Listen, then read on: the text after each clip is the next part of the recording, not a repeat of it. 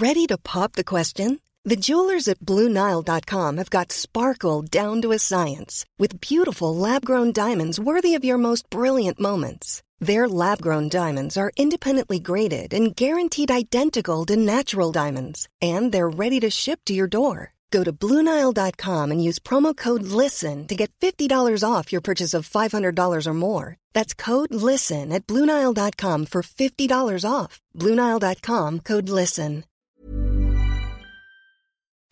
Jag heter Lina Thomsgård och det här är Kvinnans plats. En podd från Stockholms kvinnohistoriska. Ett annorlunda museum.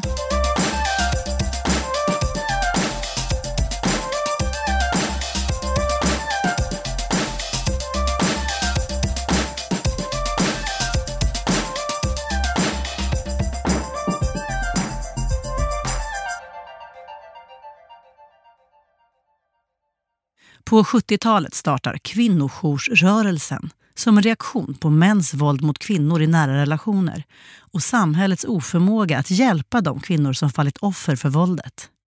1978 ska en stödtelefonlinje i Göteborg bli startskottet för det vi idag känner som kvinnojouren. Runt om i Sverige bildas allt fler kvinnojourer och i början på 2000-talet finns det över 100 stycken. Trots att etablerade kvinnojourer vid det här laget redan finns ska behovet av en kvinnojour specifikt för romer visa sig vara stort. Vi vill leva med skyldigheter och rättigheter. Skyldigheterna blir vi påminnt varje dag. Men våra rättigheter får vi inte efterleva. Jag kan läsa lite för dig här väldigt kort. Eh, ett anslag från Kvinnohusets krisjour som jag hittat i deras gamla arkiv. Och då stod det så här. Kvinna, du som känner dig ensam, har det svårt, har blivit utsatt för misshandel eller våldtäkt, behöver du någon att tala med. Vi tror att kvinnor kan hjälpa varandra genom sina gemensamma erfarenheter. Så här låter en bit ur anslaget för kvinnojourens krisjour.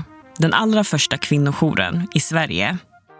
De börjar med känner dig ensam, har det svårt, det är det första. Sen kommer misshandel och våldtäkt. Så att de hade liksom en bred ingång. Det var verkligen en krisjour. Vivica Inander är forskare vid institutionen för socialt arbete i Göteborg och vid Västra Götalandregionens kompetenscentrum om våld i nära relationer. Hon har skrivit en hel del om kvinnojoursrörelsen genom åren och har också själv sin bakgrund där.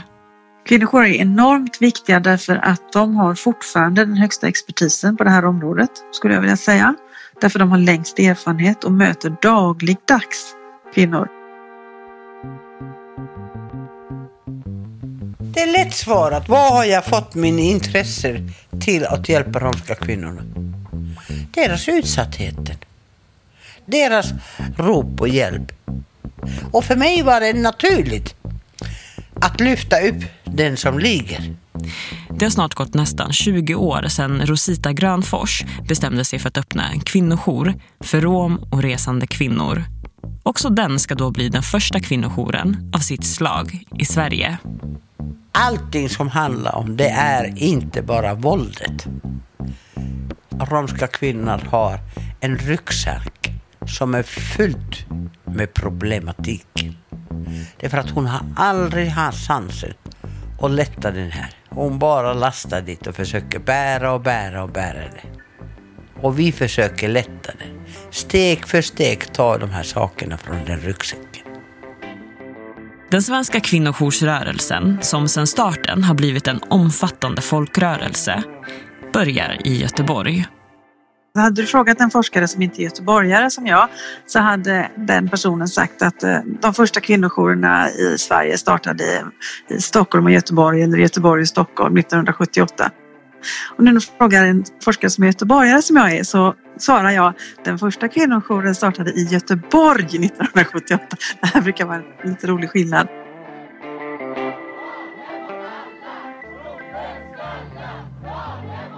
På 70-talet växer den moderna jämställdhetspolitiken fram.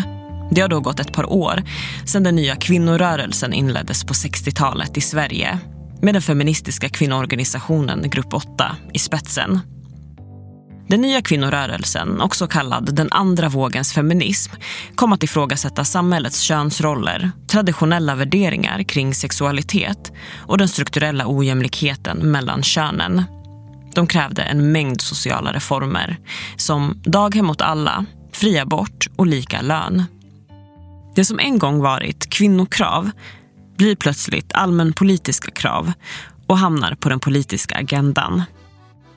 Kvinnoförtryck är något som diskuteras flitigt inom rörelsen vid den här tiden. Och in på 70-talet ska en sexualbrottsutredning väcka ramaskri i hela kvinnorörelsen. Utredningen föreslog sänkta straff för våldtäkt och menade att kvinnans klädsel och uppträdande före övergreppet skulle vägas in vid rättegången. Protesterna från bland annat kvinnorörelsen som hävdade att lagförslaget präglades av en manlig, kvinnofientlig syn på sexualitet ledde senare till att en ny utredning tillsattes. Och samtidigt börjar nu kvinnor på olika håll och olika plan mobilisera sig kollektivt mot mäns våld mot kvinnor.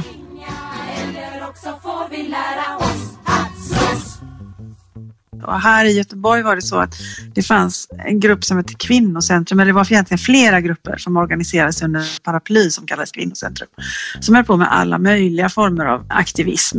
Och de drev gemensamt att de skulle få ett kvinnohus i Gamlestan här i Göteborg, ett gammalt apotek. Och de lyckades till slut få politikernas öra för detta, att Kvinnocentrum skulle få ett kvinnohus. Och redan från början fanns den här tanken att på det här kvinnohuset skulle det då finnas något som man kallar för en jourcentral för kvinnor som behövde hjälp liksom på grund av våld och även annat. Kvinnohuset i Göteborg blir ett allaktivitetshus med allt ifrån verkstäder, bibliotek till teater och musikgrupper. Men framför allt blir huset en plats för kvinnor att mötas och organisera sig vi är ett kvinnohus. Här är det kvinnor som träffar andra kvinnor och jobbar tillsammans för att tillsammans bli starka så att vi kan gå ut i samhället och slåss utanför det här huset. Och en sak de kommer slåss mot är mäns våld mot kvinnor. Och det gör de i en tid där samhällssynen på samma våld var att det var ett ovanligt fenomen. Och vad kvinnojoursrörelsen gjorde när den kom fram var ju att säga liksom det här är vitt brett, det finns överallt och det är inte bara någon liten märklig grupp som vi kan avgränsa som är utsatta eller för den delen förövare.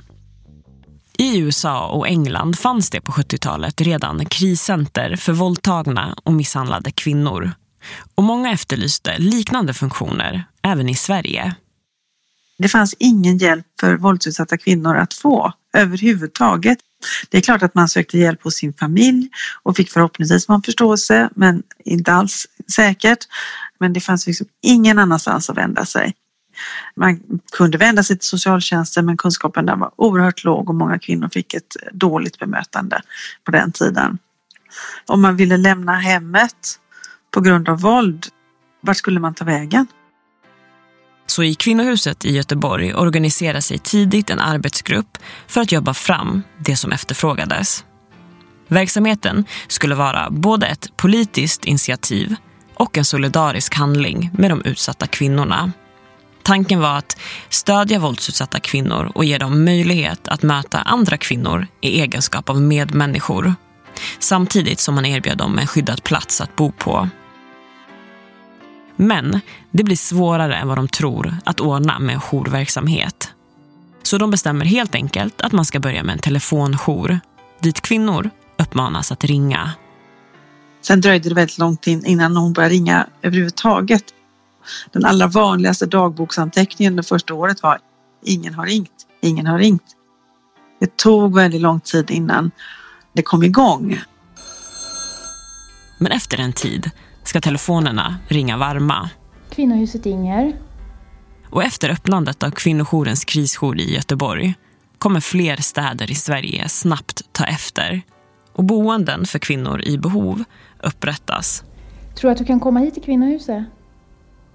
De var väldigt aktiva de tidiga kvinnojourskvinnorna, de, de lobbade mot politiker, de uppvaktade kvinnoförbunden och liksom krävde att de skulle bli sedda och hörda och eh, få pengar till sina verksamheter och så vidare. Och bitvis var det ganska framgångsrikt.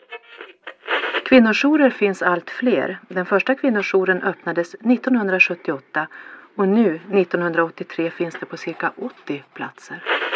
Kvinnojoursrörelsen är ett faktum i början på 80-talet. Och 1984 startas den samordnande organisationen ROX, Riksorganisationen för kvinnojourer i Sverige. Idag heter den Riksorganisationen för kvinnojourer och tjejjourer i Sverige. Och senare ska även SKR, Svenska kvinnojourers riksförbund, bildas, som idag heter Unison. Någon gång på 90-talet hade kvinnojoursrörelsen en, en gyllene tidsålder skulle jag vilja säga. Då hade man verkligen lyckats sätta frågan på agendan. Det hade kommit ganska många kvinnojourer. De flesta kommuner delar ut ett verksamhetsbidrag till en kvinnojour och man hade inom politiken och inom eh, kommunerna insett att vi kan inte det här. Vi har ingen kompetens för att möta de här våldsutsatta kvinnorna. Medan man då i kvinnojouren hade arbetat med detta i flera år och också tagit intryck av forskning och så vidare. Så de var experter och gavs också en expertstatus. Sen dess har det skett väldigt mycket förändringar och så ser det inte ut idag kan man säga. Idag finns det runt 300 kvinnojourer i Sverige och en av dem driver 66-åriga Rosita Grönfors. Här sitter jag kanske 6-8 timmar. Så jag måste tvätta väggarna, det luktar så mycket rök. Det här är min kontoret. Hon visar sitt kontor hemma i lägenheten i Stockholm. Ena väggen är täckt av permar och böcker. Hon har sin dator, en skrivare, massa kartonger på golvet och så har hon en liten soffa. Härifrån sköter hon bland annat administrationen för kvinnojouren hon startade för nästan 20 år sedan. Och här inne har även våldsutsatta kvinnor fått skydd vid behov. Här inne också, yes. Så tar jag hit dem. Så det finns en soffa eller en säng här och så. Men vi har ytterligare lite i landet lägenheter. Tre offentliga och en som är gömd. I nästan 20 års tid har Rosita jobbat för att främja romska kvinnors rättigheter i Sverige. På olika sätt och på olika plan. Både på riksdagsnivå och gräsrotsnivå. Rosita är finsk-rom och kom till Sverige på 60-talet med mamma och syskon när hon var vid sju års åldern. Hon bär den traditionella kalledräkten, en blus med strass och en lång svart sammetkjol och har gjort det ända sedan hon var 17 år. Jag är stolt romsk kvinna och kämpar på mina medsyster och vill vara en rom. Men vad jag har problem med att samhället tycker inte att jag som romsk kvinna är inte likvärdig med andra samhällskvinnor. Vi vill leva med skyldigheter och rättigheter. Skyldigheterna blir vi påminna varje dag. Men våra rättigheter får vi inte efterleva. Hon har bland annat suttit som chef för kvinnokommittén i International Romani Union, IRO. En organisation med säte i Wien som på internationell nivå jobbar för romers rättigheter. Och så har hon även bland annat suttit i delegationen för romska frågor, en referensgrupp i statens offentliga utredningar. Men hennes politiska arbete började mer eller mindre av en slump. För långt innan hon började engagera sig politiskt i frågor som rör romers rättigheter generellt och romska kvinnors rättigheter i synnerhet berättar hon att det inte var ovanligt att romska kvinnor och väninnor i hennes omgivning hörde av sig till henne för råd och stöd i till exempel kontakter med myndigheter. Jag vet inte varför, hur det var så där. Men det var liksom ibland kanske romska kvinnor kommer till mig och säger nej jag får inte det hjälper och ja men vänta lite jag ska komma och hjälpa dig. Nu kanske jag inte hade samma kodex och alla kodexerna som man begär. Men det räckte kanske för henne att jag var en stöt som stod bredvid. Och någonstans lärde man sig reglerna. Jag kunde slåss med deras regler. Man lär sig. Jobbet lärde sig själv. Att man var till slut en expert. Sakta men säkert börjar hon lära sig hur myndigheterna funkar och hur de olika regelverken ser ut. Och samtidigt går ryktet kvinnor emellan att Rosita är den man ska vända sig till. Hon börjar samtidigt läsa in sig allt mer. Hon djupdyker bland annat i sociallagen och minoritetslagen. Hon läser allt möjligt som skulle kunna vara nödvändigt för henne att veta när hon sitter med som stöd.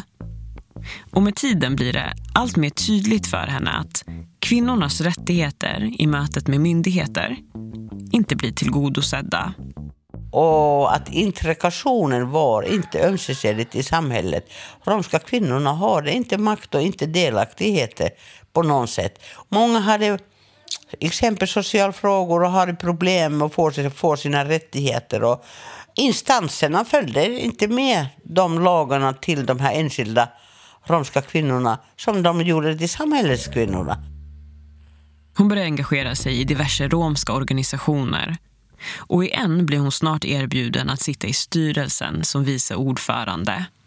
Och då såg jag en romsk mansvärld. Och liksom de kämpade för sina rättigheter och arbetade med sin familj. Men jag kände liksom att man lyfte inte de här sakerna på kvinnans söker på samma sätt. Och kvinnorna har ingen röst här. Och jag kände att nej, jag har kapaciteten att göra en kvinnoorganisation. I början på 2000-talet startar Rosita, Riksförbundet Internationella Romska och Resande Kvinnocenter. Syftet med centret skulle vara att stärka romska kvinnor, upplysa dem om deras rättigheter och möjliggöra deras delaktighet i samhället. Samtidigt som de föreläser, håller kurser och konferenser av olika slag för att nå ut i samhället och öka förståelsen för deras situation i stort. I arbetet med kvinnocentret möter och pratar hon med romska kvinnor dagligen. Precis som hon tidigare har gjort, fast nu på ett bredare plan. Och snart börjar hon komma i kontakt med kvinnor som upplever våld i nära relationer. Och märker även här att en lucka behöver fyllas. Först och främst, romska kvinnorna har inte tillit till samhället. Och det är inte så konstigt om man tittar historia, samhällets historia, Sveriges historia exempel. Och sen att samhället har inte de kodexerna som romsk kvinnojour har att kunna hjälpa. Som inte gör att romska kvinnor, klienten, blir skadade när de söker hjälp. De får skydd, men skyddet betyder att hotet blir större än det ska vara. Och där såg jag att okej, okay, vi öppnar ytterligare en romoresande kvinnojour. Hon märker att de våldsutsatta kvinnorna sällan vänder sig till etablerade kvinnojourer. Det är för många inte ens ett alternativ, menar hon. Dels på grund av det redan obefintliga förtroendet för samhällets olika instanser vilket har sin grund i år av diskriminering. Men också på grund av den starka patriarkala strukturen inom kulturen och hederskulturen vilket även där försvårar för kvinnorna att uppsöka hjälp. Med kunskapen och kontakterna som Rosita skapat i samband med kvinnocentret och sitt politiska arbete öppnar hon en kvinnojour för rom och resande kvinnor. Ryktet om jouren sprider sig som en löpeld och det ska inte ta lång tid innan kvinnor börjar höra av sig. Här säger de exempel att Ja, men romska kvinnorna ska anmäla sig i polisen. Vi säger också, men när romska kvinnor gör en polisanmälan så blir hennes föräldrarna och bröderna och släkterna ansvariga vad hon gör. Och det kan göra så att det blir kris och det blir fighter i familjerna. Då har man infekterat större problem och kan många mera kvinnor och barn ta skada. Kvinnan är skyddad, men resten av kvinnor och barn är objekt att de far illa. Och därför försöker vi hitta omvägar att ha dialog, att den här kvinnan får vara i fred, inte skada henne och kanske ge att om de inte är lyhörda så kommer de få konsekvenserna. Att vi kommer stödja den här romska kvinnan, att hon går vidare. Ni kanske inte får träffa barnbarnen, mannen får inte träffa barnen. Och sen att de gör polisanmälan. Och den brukar hjälpa att de backar. Vi kan de här kodexerna, men socialen kan inte de här kodexerna.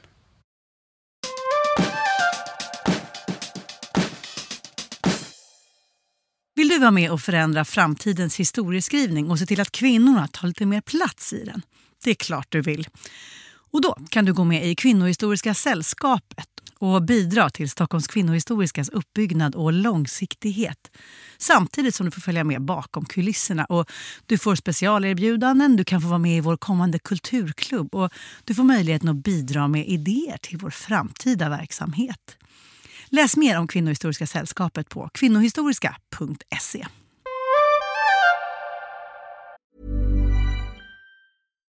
Millions of people have lost weight with personalized plans from Noom. Like Evan, who can't stand salads and still lost 50 pounds. Salads generally for most people are the easy button, right? For me, that wasn't an option.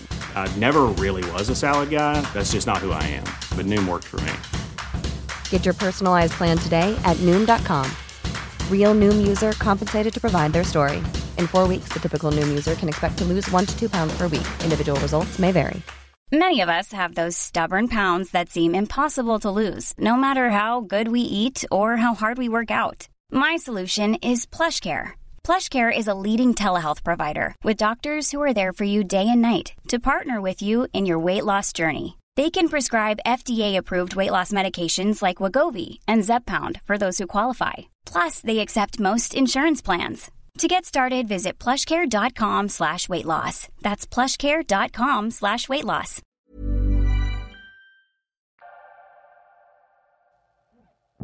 Sen kvinnojourens gyllene tidsålder på 90-talet så har mycket förändrats.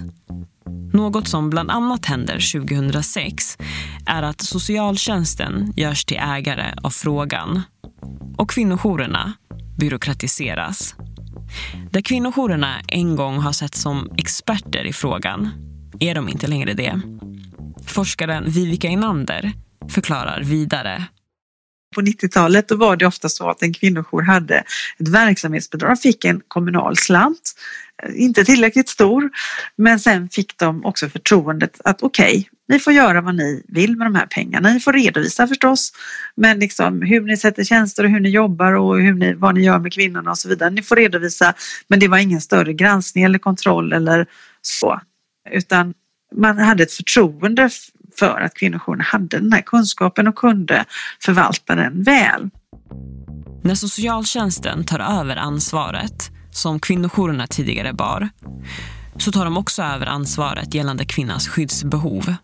Och istället för den kommunala slanten får jourerna istället pengar för varje kvinna som placeras på jouren.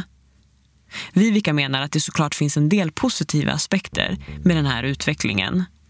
Men också en hel del negativa. Det positiva är ju att mycket har också hänt inom socialtjänsten. Jag utbildar socionomstudenter varenda dag och de blir duktigare och duktigare på detta. Och eh, den bästa av alla världar så funkar det jättebra för den utsatta kvinnan och så vidare. Det negativa är ju att eh, socialtjänsten har otroligt ansträngd ekonomi och fruktansvärda tuffa arbetsomständigheter, väldigt ont om tid och ska göra de här bedömningarna. Eh, och att man också frånerkänner, tycker jag, eh, kvinnojourerna den kompetensen som de har. De brukade kalla sig för professionella ideella. Det vill säga att de var ideella men att de var professionella i sitt arbetssätt, att de hade kunskapen om våldet och hur man bemöter våldsutsatta kvinnor. Och det respekterades de för och idag så är det på något sätt inte riktigt så längre. Och, och det är någonting som har gått förlorat där. Kvinnojoursverksamheterna har ända sedan sin uppkomst bestått av två delar. En del där de jobbar direkt med kvinnan i behov och en annan del där de bedriver opinionsbildande arbete i syfte att informera och påverka politiker och allmänhet. Och på samma sätt jobbar också Rosita med tonvikt på romska kvinnors situation och behov. Kvinnojouren för rom och resande kvinnor är ingen storskalig verksamhet. Men ända sedan starten har det genom kvinnojouren passerat cirka 70 kvinnor varje år. Kvinnorna hör av sig av alla möjliga olika anledningar. Och genom åren finns det många kvinnor som lämnat avtryck på henne. Men hon minns speciellt en. En romsk kvinna som kom till kvinnojouren och hon såg först helt slut ut. Hon var okammat, hon var mörk under ögonen, bara tårarna rann. Och när vi gick ut och tog luft där ute i balkongen, det var i fjärde våningen, så säger hon först till mig att här är det ju bra att bo. Här kan jag hoppa och ta mitt liv. Och där började jag arbeta med henne. Jag tog Praktiskt tog jag henne naglarna, hennes händer, jag tog henne fotvård, jag tog henne till frisör, jag hjälpte henne med nya kläder, nya sängkläder, jag sömte ljus till henne, lagade god mat till henne. Och sakta och säkert började jag säga att alla romska kvinnor är starka. Så hon började resa upp sig och så. Och sen tog hon körkortet och idag har hon utbildat, hon har fått en fast anställd, hon är eh, dagislärare. Hon vet sina rättigheter och så. Och hon mår bra. Och det är tusentals sådana här exempel. Rosita berättar att det gäller att möta kvinnans behov där hon är. Och ibland kan praktiska saker som att till exempel ta med henne till en salong betyda mycket. I och med den starka patriarkala strukturen så förväntas kvinnan i många fall ta hela ansvaret för barnen och de äldre. Och hon menar att vissa kvinnor därför har mycket små möjligheter att skaffa sig en utbildning och arbete utanför hemmet. Och eftersom hon också startade kvinnojouren med kvinnocentret i bagaget jobbar hon samtidigt med att öka kvinnornas kunskaper om deras egna rättigheter men också efter en modell som ska tillåta kvinnorna att fungera i det svenska samhället utan att bryta med den romska kulturen och allt som är positivt i den. Det är aldrig samma. Och jag måste fokusera. Vad är det hon behöver hjälp? Ha tid att lyssna henne, stärka henne, stärka hennes identitet. Få baka den självförtroende så. Och då finns det olika mun med mun metoder som vi arbetar som att vi kan bygga en plattform som hon har någonstans att stå. Och något helt konstigt sätt när du har byggt den här plattformen, kanske små saker, så vi vet, jag har sett den själv, hur den här romska kvinnan växer och arbetar mot sig själv och tar mot hjälp och förtroende bara växer och växer. Och det vill säga att många romska kvinnor i vår kultur, nu är det utländska romer, som inte har gått, är aldrig ensamt i affären. De har aldrig haft möjligheten att gå till mataffären. Och när de går, själv går till mataffären exempel så de går själva och plockar och de är så jättestolta. Eller myndigheterna liksom så, liksom de vet idag, de här romska kvinnor som har varit hos mig, att de har rättigheter att begära en tolk. De ska inte sitta som offer där och, och höra bara svenska och inte förstå. Alla papperna måste skriva deras språk. Det är för att de har rättigheter och det. Och de kan säga idag det till olika instanser. Jag har rätt att få den på mitt språk. Det är för att den tillhör minoritetslagen. Man kan aldrig utbilda någon till solidaritet. Man kan aldrig utbilda någon till, till systerskap. Och det är det man kan få på en kvinnojour. Vi finns här för dig. Vi tror på dig. Det är du som bestämmer vilka steg du ska ta härnäst i ditt liv. Det är inte vi som bestämmer det. Alltså det finns en, en sån grund som handlar om att respektera kvinnors eget agentskap. Man har ett finlir och en jättegod förmåga att hantera det komplexa i våldet och att ha varit våldsutsatt utifrån solidaritet och systerskap i grunden. Ja, det finns jättemånga bra socionomer och terapeuter och poliser och you name it. Men det här är en speciell kvalitet. Att ha möjligheten att hjälpa kvinnor att bygga upp sitt självförtroende och samtidigt ge dem trygghet vid behov är en av anledningarna till att Rosita fortsätter jobba med det hon gör. Men genom att jobba med kvinnojouren riskerar hon också sin egen säkerhet. Och absolut har det kommit hot riktat mot henne. Varför sitter du och pratar om tv, såna här saker? Vi har inte såna här du hittar på och det här går inte bra. Din man eller din pojke blir ansvariga för detta. Ingen vill ju, oavsett om de är rom eller så, ingen erkänner ju att det är våld i nära relation. Allting ser ju bra ut. Och så är det ju inte i verkligheten. Hur många kvinnor, oavsett härkomster, som blir mördade? Hur många kvinnor som får stryk? Har du blivit rädd någon gång? Där Oj, många gånger. Jag är alltid rädd. Men någonstans liksom... Uh, om du förstår att det finns en enda i världen en romsk kvinnojour så förstår du ju själv. Det är, en, det är som rysk roulette.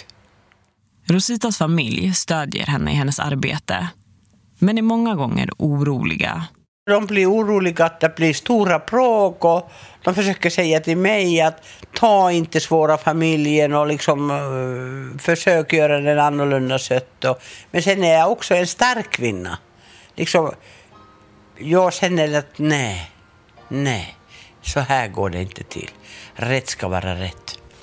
Och någonstans inre kommer sån här att nej, men jag ger inte efter det. Idag, över 40 år sedan starten av den första kvinnojouren i Sverige finns det mycket som kan läggas till på kvinnojoursrörelsens meritlista. Utöver de tusentals kvinnor som jourerna kunnat hjälpa direkt i form av skydd och vägledning hittar man även på listan lagen om målsägande beträde, lagen om kontaktförbud, sexköpslagen och en mängd kvinnopolitiska frågor som tagit plats på den offentliga arenan. Kvinnofridspropositionen som kom 1998 blir en milstolpe som bland annat medförde att lagen om grov fridskränkning och lagen om kvinnofridskränkning infördes. Och när det händer blir det den första och enda gången som någonting könas i svensk lagstiftning. Till Rosita har många kvinnor genom åren hört av sig för att... Even when we're on a budget we still deserve nice things. Quince is a place to scoop up stunning high-end goods for 50 to 80% less than similar brands. They have buttery soft cashmere sweaters starting at $50, luxurious Italian leather bags, and so much more. Plus, Quince only works with factories that use safe, ethical, and responsible manufacturing. Get the high-end goods you'll love without the high price tag with Quince. Go to quince.com slash style for free shipping and 365-day returns. Tacka att kvinnojouren funnits där för dem. Och de kallar mig mamma och, och skickar mig blommor och säga att de klarar det inte utan mig och de är tacksamma. Och, och sen är det något helt konstigt sätt. Ingen romsk kvinna har avslöjat oss Nej, de, många återvände hem. Och då frågar ju man var har du varit? Det är för att det är en stor fråga som ger stora konsekvenserna. Många männen sätter sin fru i bilen och de måste köra dit var hon har varit. Och då kanske hon, de har påpekat en svensk kvinnojour.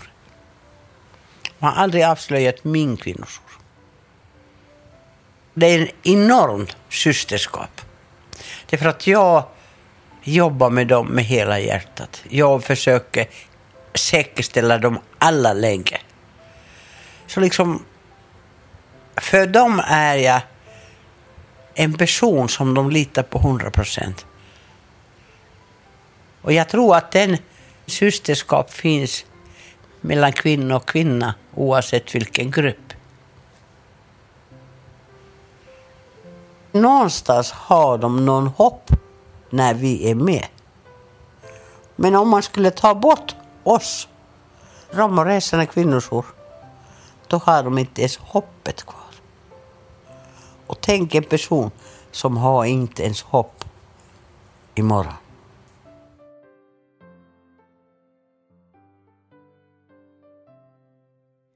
Reporter var Emma Ikekwe och det här var en podcast från Stockholms kvinnohistoriska producerad av Soundtelling.